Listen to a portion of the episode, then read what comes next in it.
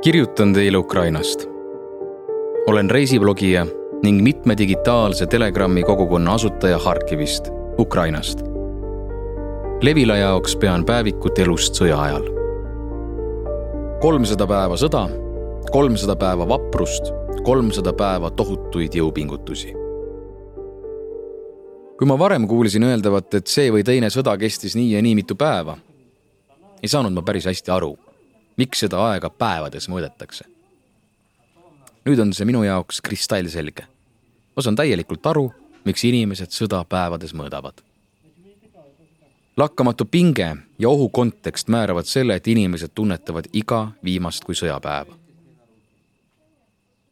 olen kindel, et pärast kahe tuhande kahekümne kolmanda aasta kahekümne neljandat veebruari hakkame me rääkima, et sõda on kestnud aasta ja vaat nii mitu päeva.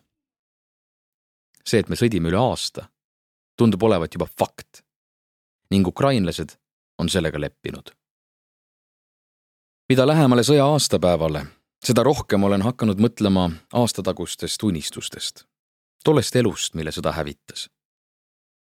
mõtlen nendest inimestest, kellega koos sai plaane tehtud, sõpradest, kellega olin lähedane.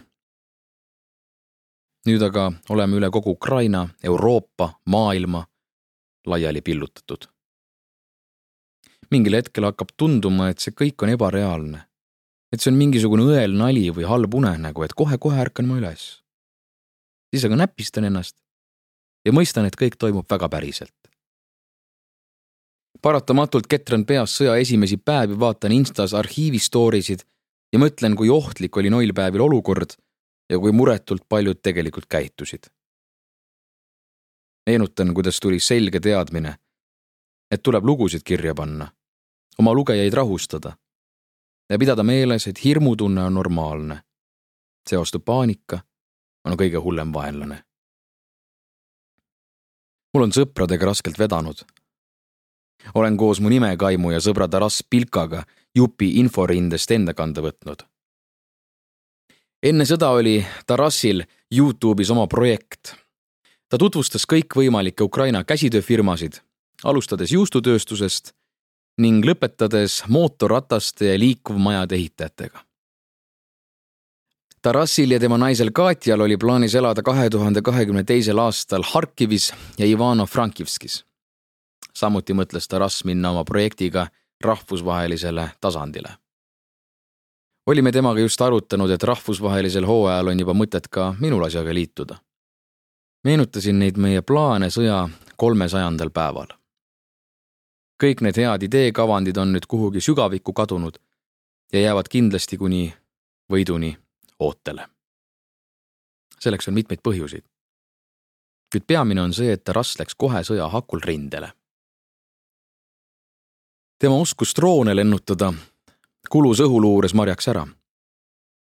Taras otsustas kaitsta oma kodukanti Zaporižjat relva ja drooniga imelik mõelda, kuidas reisivlogijast saab päevapealt sõjakorrespondent. paratamatult mõtled, milliseid tohutuid jõupingutusi me võidu nimel teeme. Taras on sõja esimesest päevast peale videoid salvestanud ja neid ühismeedias avaldanud. algul olid need hommikused ja õhtused videod.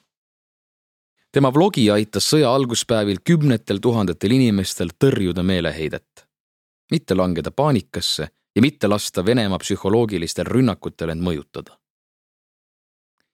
hommikuti lahkas Taras inimeste psühholoogilisi ja emotsionaalseid seisundeid. õhtuti avaldas sõjakroonikat.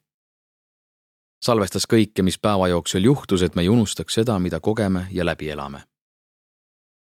ajapikku, kui Tarassi lahinguülesanded suurenesid ja aega jäi järjest vähemaks, hakkas ta avaldama ühe klipi päevas ent tegi seda hoolimata sellest, et viibis ise vahetult rindepositsioonil. kolmsada päeva, vahet pidamata, vaatamata kõigele. isegi kui Taras põrutusega hospidali sattus, salvestas ta ikka oma vlogi jaoks video. muidugi oleks ta võinud seda mitte teha, selleks olid kõik põhjused olemas. kuid tundub, et see on nüüd saanud meie kui rahva sisuks, mitte alla anda ja jätkata oma tööd õige kiuste kirjutasin talle, kui ta hospitalis oli ja küsisin, kuidas läheb. ta vastas, kirjutati välja. homme lähen rindele tagasi. see mees suudab hämmastaval kombel sõdida kahel rindel korraga, nii kaevikus kui ka inforindel ühismeedias. ja iga kord, kui loen koondteadet lahingutegevusest, näen seal sõnu Zaporižja rindel muutusteta. minu jaoks on enam kui selge, et see on nii mitte sellepärast, et seal midagi ei toimu, vaid kuna meie sõdurid seisavad iga jalatäie maa eest. sest Tarast lennutab droone, sest tuhanded tema relvavennad hoiavad praegu kaevikutes rinnet ega lase venelastel edasi liikuda. ei lase venelastel edasi minna juba kolmsada päeva. ja teevad koguni edukaid vasturünnakuid, nagu see oli Harkivi oblastis ja Hersonis. kolmsada päeva on tugev psühholoogiline piir. mõistmine, kui kaua me oleme võidelnud ja kui kaua me peame veel võitlema. kõigil kaitseväelastel on praegu Ukrainas vääramatu usaldus ja autoriteet. Nemad olid need, kes venelaste massilise sissetungi tagasi lõid ja on juba kolmsada päeva edukalt sõdinud. ja muidugi, kui sa kolmesajandal sõjapäeval näed Ukraina presidenti Volodõmõr Zelenskit külastamas kõige kuumemat kohta Pahmuti, siis oled lihtsalt keeletu. see näitab julgust ja vaprust ning mis peamine, tohutut usaldust ja toetust meie kaitsejõududele. tegelikult see nii väga ei üllatagi. sest kõik, kes praegu Ukraina armees sõdivad, on teenistusse läinud vabatahtlikult. üksvahe ringlesid meediaruumis jutud sellest, kuidas Ukraina linnades noori mehi tänaval jahitakse ja otse rindele saadetakse. teadagi, kuhu selle psühholoogilise operatsiooni juured ulatuvad. Selliseid intsidente esines tõesti kuid need leidsid aset Donetskis ja Luhanskis, kus valitseb täielik seadusetus. kõik, kes praegu sõdivad ja kellega mul oli juhust vestelda, läksid Ukraina kaitseväkke vabatahtlikult. meil ei ole vastust küsimustele, kui kaua sõda veel kestab. mitu päeva tuleb meil Venemaaga veel sõdida?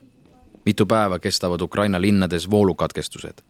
Mitu päeva veel jätkuvad raketirünnakud, mitu päeva veel pommitavad Iraani droonid Koidikul Kiievi kesklinna. on teadmine, et me elame selle üle ja teeme vapralt läbi kõik, mida võiduks vaja on. nii kaua, kui palju kulub Tarassil ja tema relvavendadel kõikidel rinnetel kogu Ukraina vabastamiseks Donetskist Sevastopolini. ja kui Ukraina lipud lehvivad taas kord kõikide meie suveräänsete alade kohal siis saame me terrassiga lõpuks hakata kavandama Craft Road Show uut hooaega Youtube'is. autor Taras Kovaltšuk, tõlkija Veronika Einberg, toimetaja Helena Läks, audiolugu loeb Karmo Nigula, salvestus, helikujundus Janek Murd, originaalmuusika Konstantin Tsõbulevski. Levila kaks tuhat kakskümmend kolm